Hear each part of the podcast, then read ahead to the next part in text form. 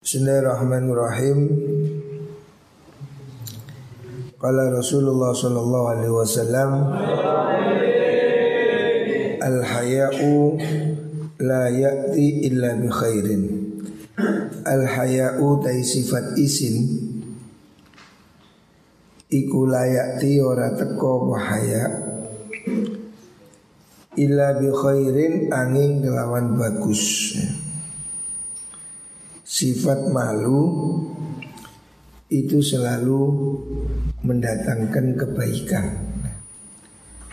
Selama orang ini masih punya malu, dia akan mencegah dari berbuat yang tidak bagus.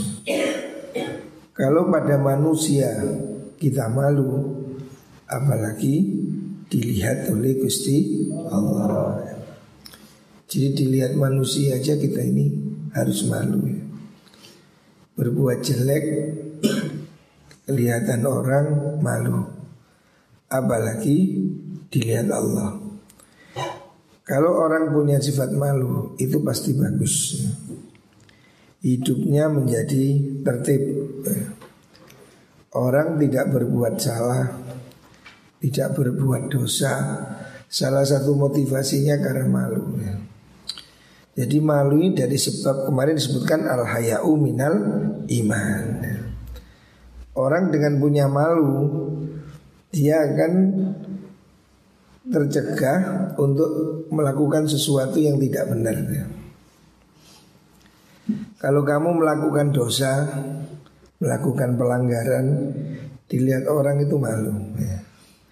Nah kalau kamu dilihat manusia saja malu, Hendaknya kamu lebih malu kalau dosamu itu dilihat oleh Gusti Allah.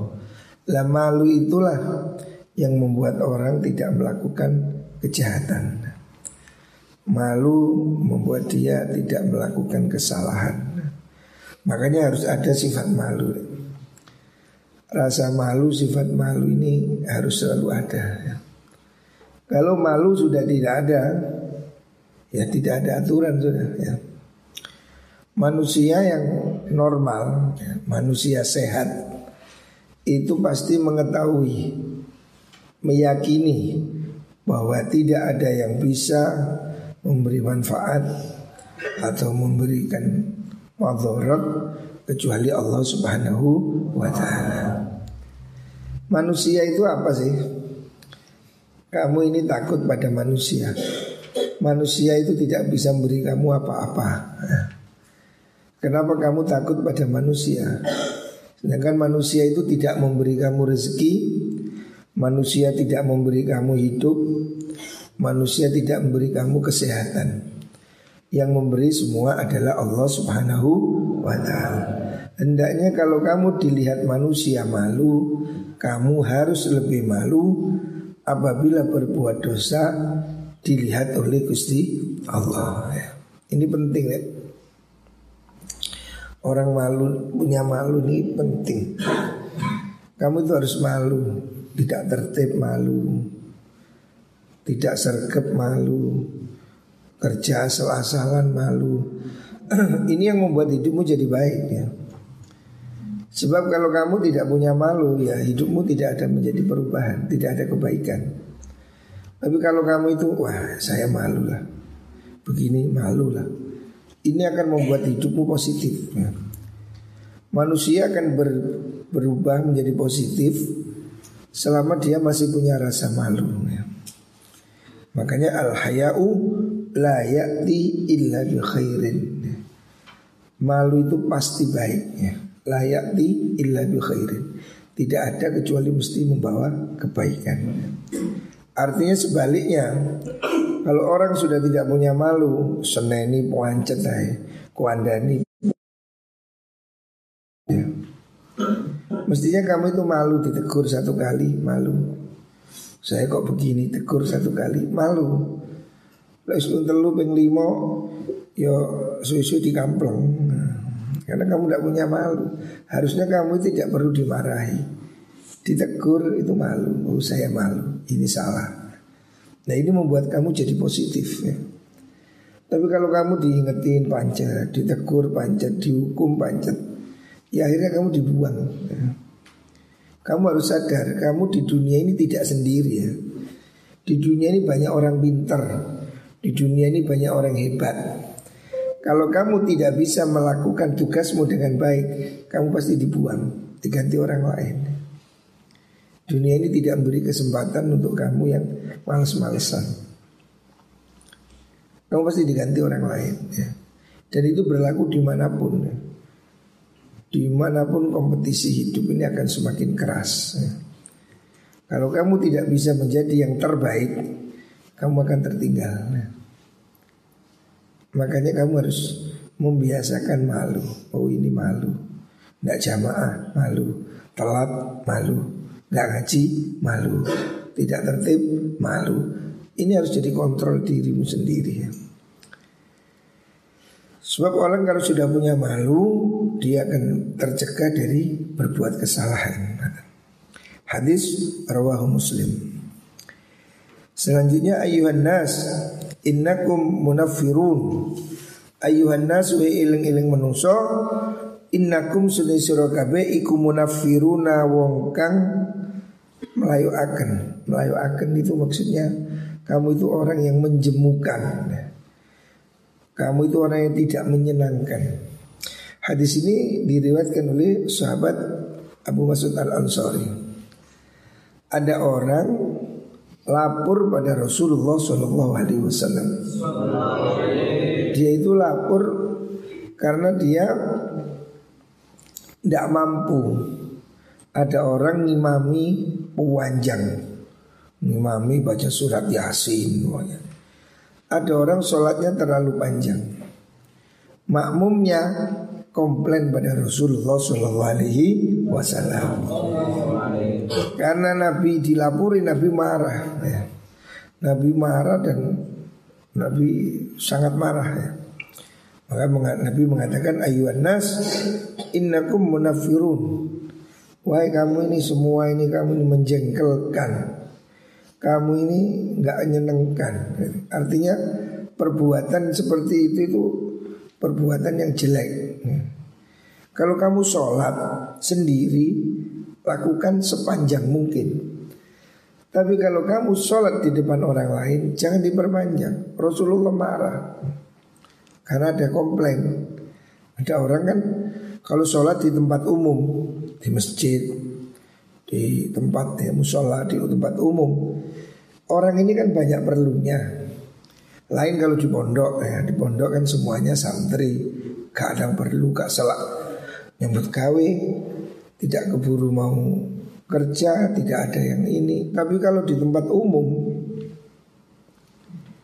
orang sholat di masjid ini kan ada pedagang, ada musafir, ada orang sakit, ada orang tua. Ya. Jangan kamu sholat dengan ritme yang sangat panjang. Rasulullah marah sekali. Sehingga beliau mengatakan innakum munafirun. Kamu itu jengkel no. Kamu itu membuat orang tidak suka. Faman sholat bin nas fal yuhaffif. Faman tesapani wong iku sholat sholat sopaman bin nasi kalian menungso. Siapa orang ngimami orang lain Fal yuhafif mongko becik ngentengno sopeman Kalau kamu jadi imam sholat di tempat umum Jangan panjang-panjang. Fa inna fihim seduni iku ing dalam nas. Fa inna fihim al maridho ono wong kang loro Di antara makmum ini ada orang yang sakit ya. Wadha'ifa lan wong kang apes. Mungkin ada orang yang gak kuat berdiri terlalu lama. Wadal hajati lan wong kang duweni hajat. Ono sing kebelet ngising Ada sing kebelet nguyu Ono sing selak lagi utang Sholat di tempat umum dengan makmum yang beraneka ragam Hendaknya kamu jangan memperpanjang-panjang ya Rasulullah Shallallahu Alaihi Wasallam tidak menyukai imam yang sholatnya panjang di tempat umum. Lain kalau di tempat khusus ya. Yang dilarang oleh Rasulullah Shallallahu Alaihi Wasallam memperpanjang sholat di tempat umum. Karena apa? Di situ ada orang sakit, ada orang yang keburu-buru, ono wong sing selak tulin, selak lungo, selak ngising. Ya.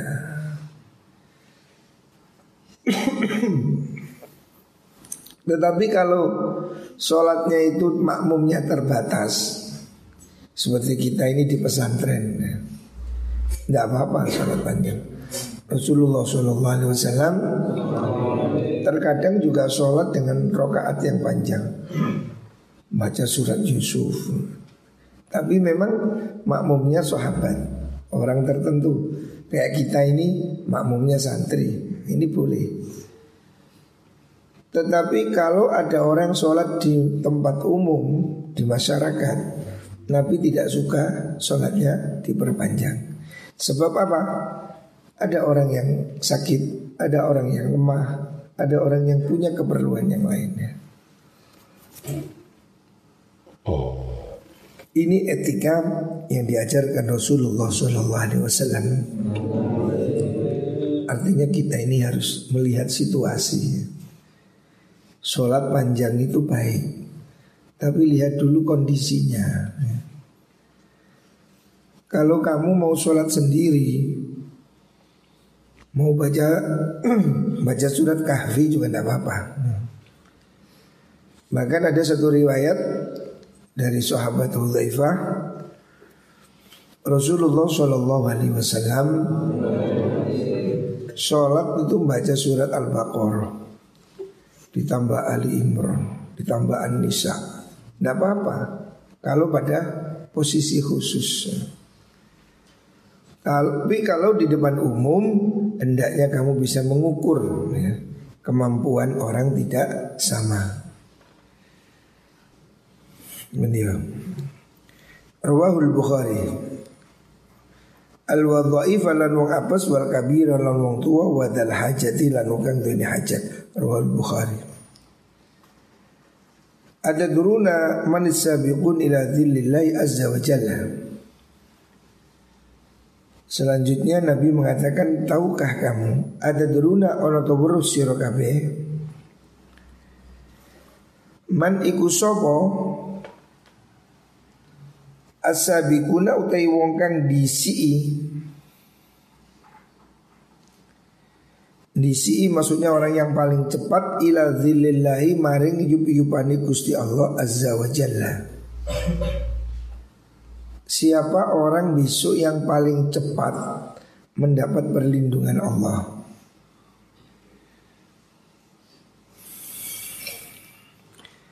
Alladzina. Nabi menjawab sendiri. Jadi Nabi bertanya Terus dijawab sendiri.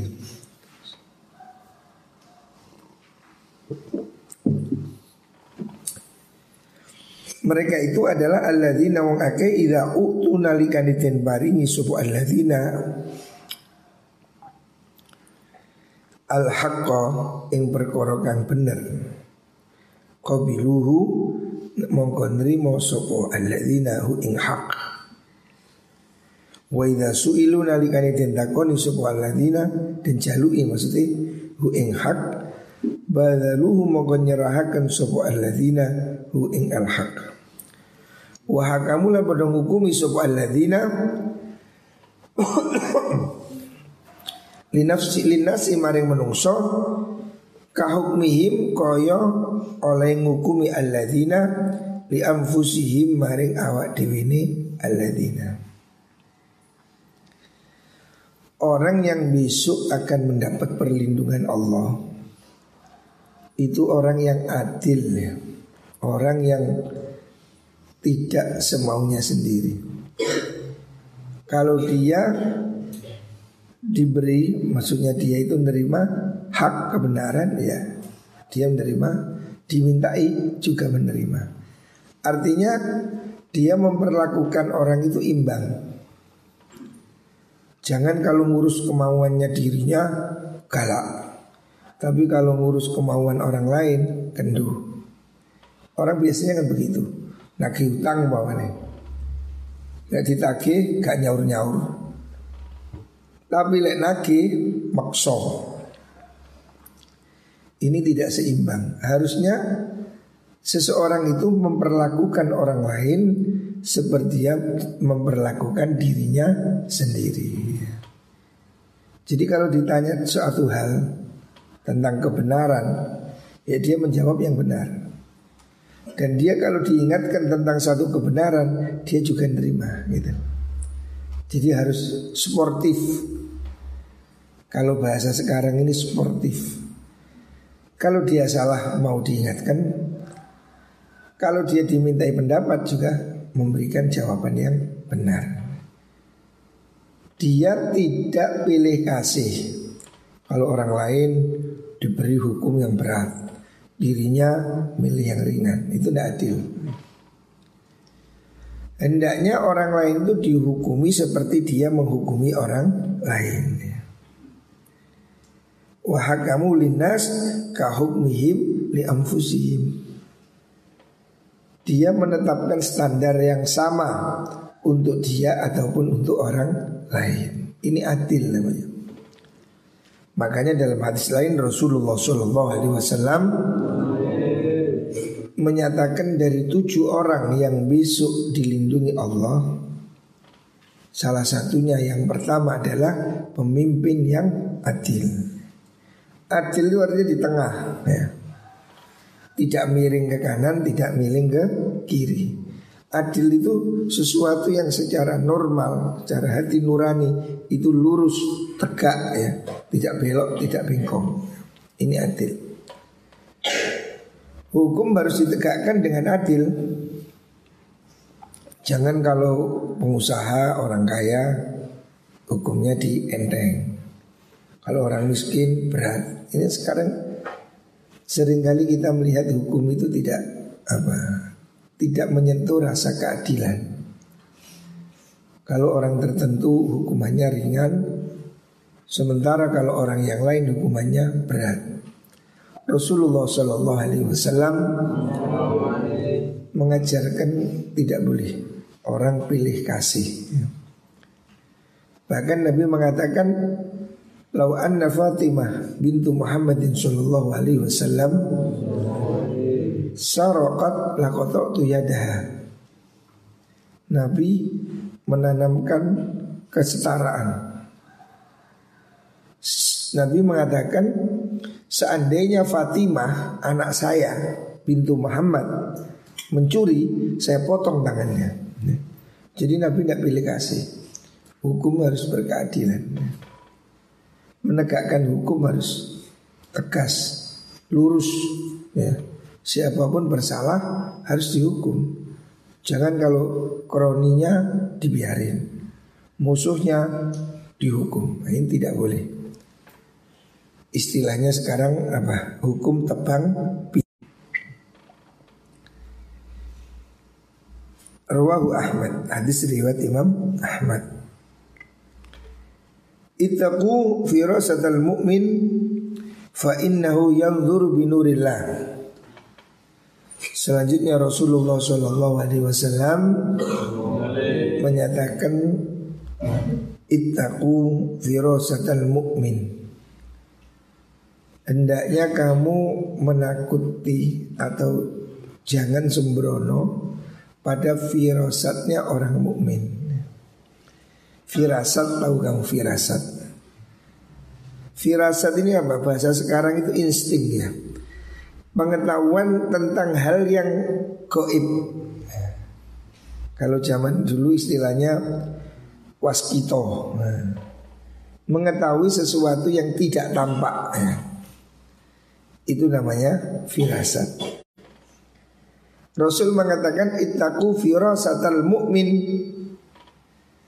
Hendaknya kamu takut hati-hati pada firasatnya orang mukmin. Fa innahu suduni mukmin Iku yang duru ningali sopo mukmin binurillahi kelawan nuri Allah subhanahu wa ta'ala Kenapa kamu harus takut pada firasat? Firasat itu penglihatan terhadap hal yang tidak tampak Firasat ini menerawang sesuatu yang gaib Tapi bukan ramalan ya Firasat ini bukan ramalan Firasat itu pengetahuan dari Allah tentang sesuatu yang akan terjadi. Ya. Ini namanya firasat. Kadang ini orang kan memang oleh Allah diberi ketajaman. Ya. Istilahnya indera keenam. Ya. Tahu nanti akan terjadi begini. Pandemi ini sudah ada yang punya firasat. Sekian tahun yang lalu sudah ada yang punya firasat akan terjadi begini-begini. itu namanya firasat ya. Firasat itu terbukanya sesuatu yang akan terjadi di masa datang. Ya. Sebab ada tanda-tanda. Umpamanya begini, ada firasat. Saya ini kok merasa nanti ada sesuatu, ada firasat. Karena ada apa? Oh seperti ada gempa bumi malam hari, ada firasat. Oh nanti akan ada seperti ini. Itu namanya firasat. Bedanya firasat dengan ilham, ada orang itu dapat ilham. Kalau ilham itu inspirasi, tanpa ada apa-apa tiba-tiba dapat ilham. Kamu akan begini, akan ada itu. Itu namanya ilham. Tapi kalau firasat itu orang yang bisa membaca tanda-tanda alam. Oh firasat. Kayak orang Jawa biyen ono udan panas oh ono apa. Itu firasat. Tapi orang mukmin tidak tidak seperti itu. Dia memang melihat dengan cahaya Allah. Allah memberitahu dia akan terjadi sesuatu. Seperti Nabi Yusuf ya ketika di dalam penjara Raja bermimpi begini, begini, begini. Nabi Yusuf menafsiri, oh akan terjadi paceklik, akan terjadi pandemi, adanya ini. Ini namanya firasat. Berbeda juga dengan wahyu ya. Sebab kalau wahyu itu yakin ya, wahyu itu pengetahuan langsung dari Allah Subhanahu wa taala. Kalau selain Nabi tidak dapat wahyu. Tetapi kita Manusia ini ada yang oleh Allah diberi firasat ya. Apalagi itu orang mukmin ya. Makanya disebutkan itaku firasatan mukmin. Takutlah kamu hati-hati pada firasat orang mukmin ya. Yang dimaksud sini ail mukmin al kamil, orang yang sempurna. Ya bahasa kita itu ya wali lah ya. Biasanya Allah itu memberi mereka itu pengetahuan. Para kekasih Allah itu tahu akan terjadi apa. Makanya biasanya dia mengingatkan Jangan begini, jangan begitu. Itu firasat, dia punya firasat. Akan terjadi sesuatu yang kita tidak tahu. Ada satu orang kiai yang saya pernah tahu ini Dia itu memang oleh Allah diberi ketajaman itu insting firasat Ada teman saya, saya punya saudara ini mau nikah lagi. Padahal saudara saya ini kaya di Jakarta. Dia mau nikah lagi dengan seorang perempuan.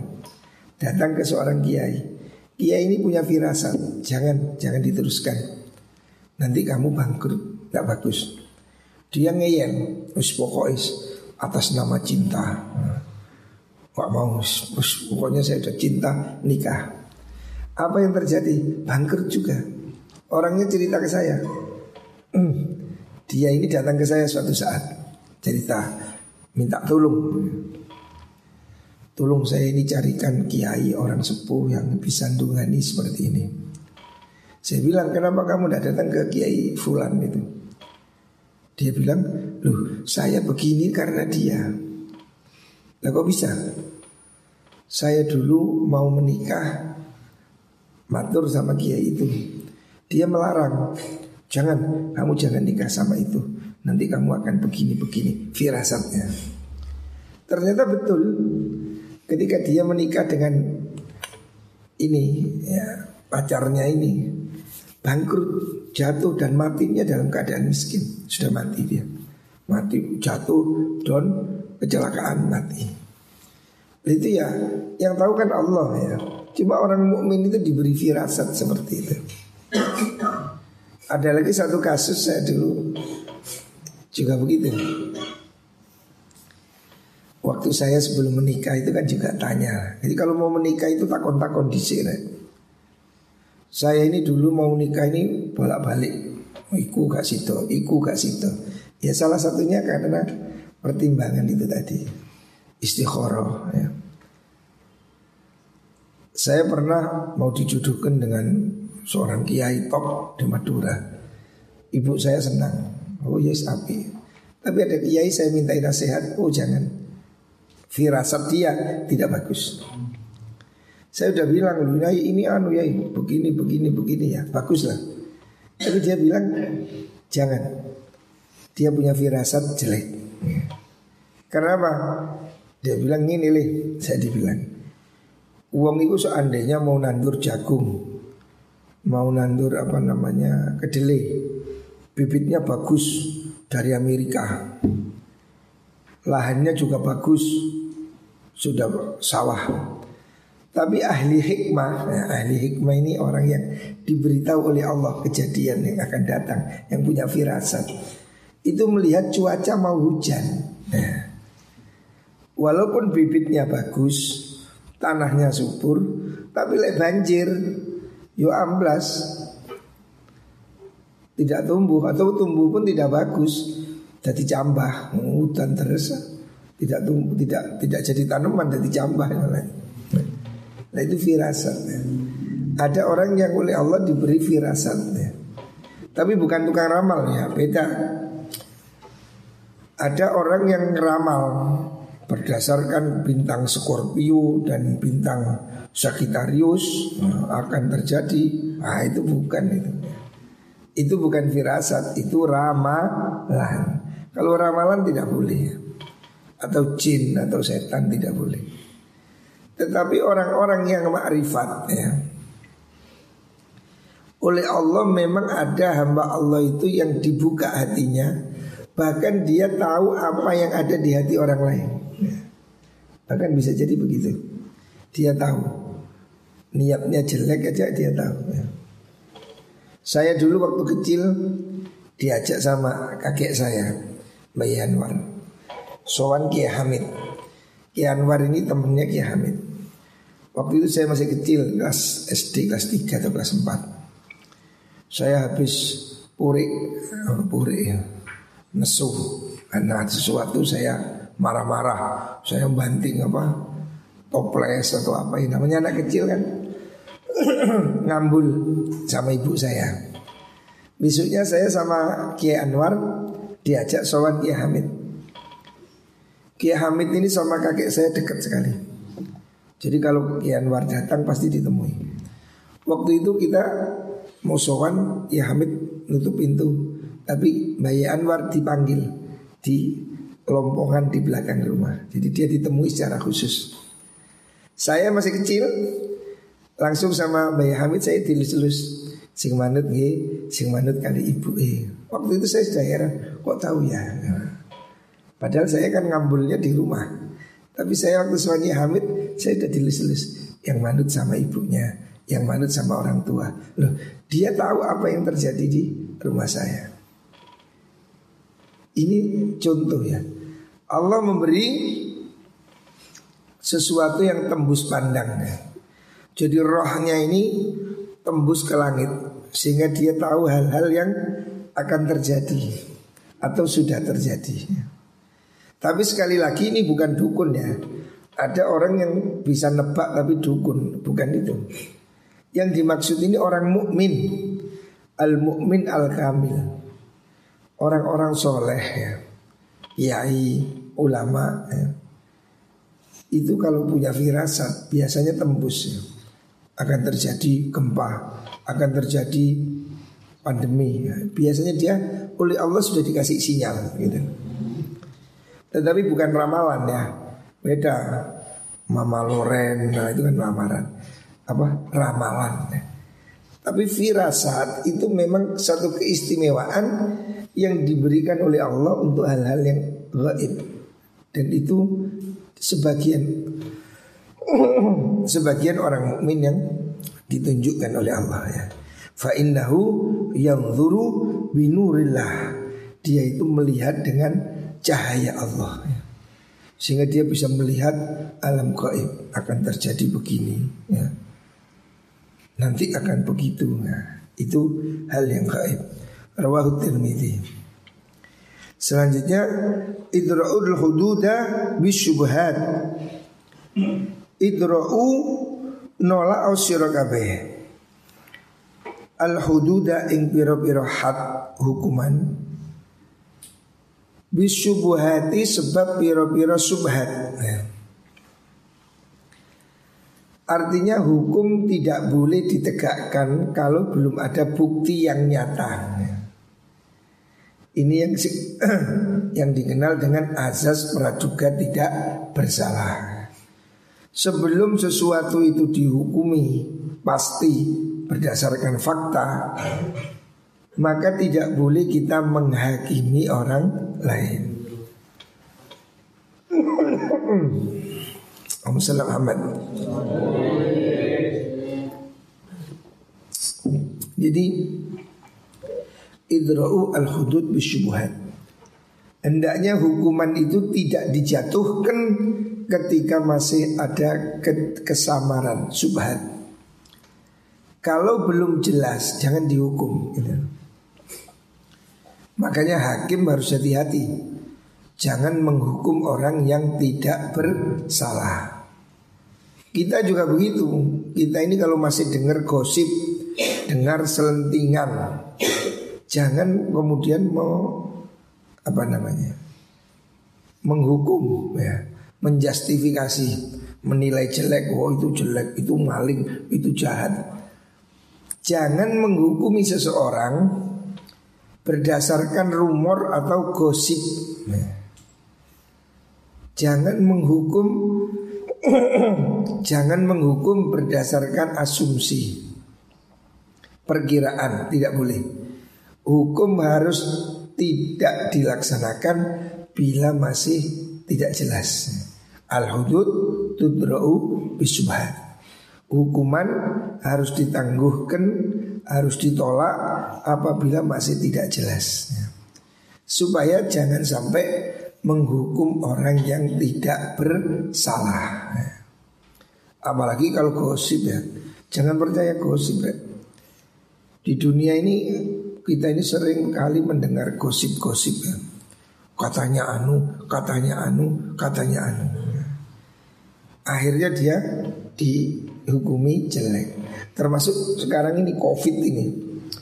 Setiap orang mati kan di covid kan dihukumi covid tetangganya semua jadi takut padahal belum tentu covid ya. nah ini kan fitnah makanya tidak boleh ya. seharusnya tidak boleh al hudud tudra'u bisubuhat hukuman itu harus ditolak harus ditangguhkan apabila tidak pasti hari ini kan banyak kasus penolakan masyarakat ya Sampai di Madura ada apa rebutan jenazah karena keluarganya nggak terima dianggap COVID merasa bukan COVID ya. Nah itu mestinya ya harusnya tidak boleh. harusnya kalau memang tidak COVID ya jangan di COVIDkan. Nah. Artinya jenazah itu harus diperlakukan dengan baik. Jangan semua dianggap COVID, tidak boleh.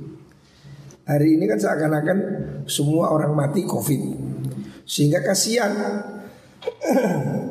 Banyak orang mati yang nggak ada yang nyelawat. Ada orang mati nggak ada yang mandikan. Kalau dulu kan di kampung ini guyup rukunnya Kampung-kampung ini dulu kan kalau ada orang mati semua datang pelayat ini. Hari ini gara-gara covid ini Covid covid ini Orang jadi ketakutan banyak ya kasus di desa orang mati nggak ada yang mandikan, mudinnya takut, takut apa? Covid. Nah, Orang mati nggak ada yang ngubur takut covid. Ini kan nggak boleh ya. Yang covid ya covid, yang tidak covid jangan dianggap covid.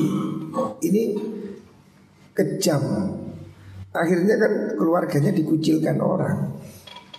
Saya dengar banyak laporan seperti itu. Ada orang mati hamil covid, orang mati kebakaran covid, orang mati kecucuk paku covid. Enggak boleh begitu ya. Jangan mengcovidkan orang yang tidak covid. Nah, ini contohnya idraul hudud bisyubuhat. Jangan menghukum orang yang tidak bersalah. Karena sekarang ini kalau orang itu sudah dihukumi covid, dikucilkan oleh masyarakat, tetangganya, saudaranya, sampai kuburannya ya, kasihannya.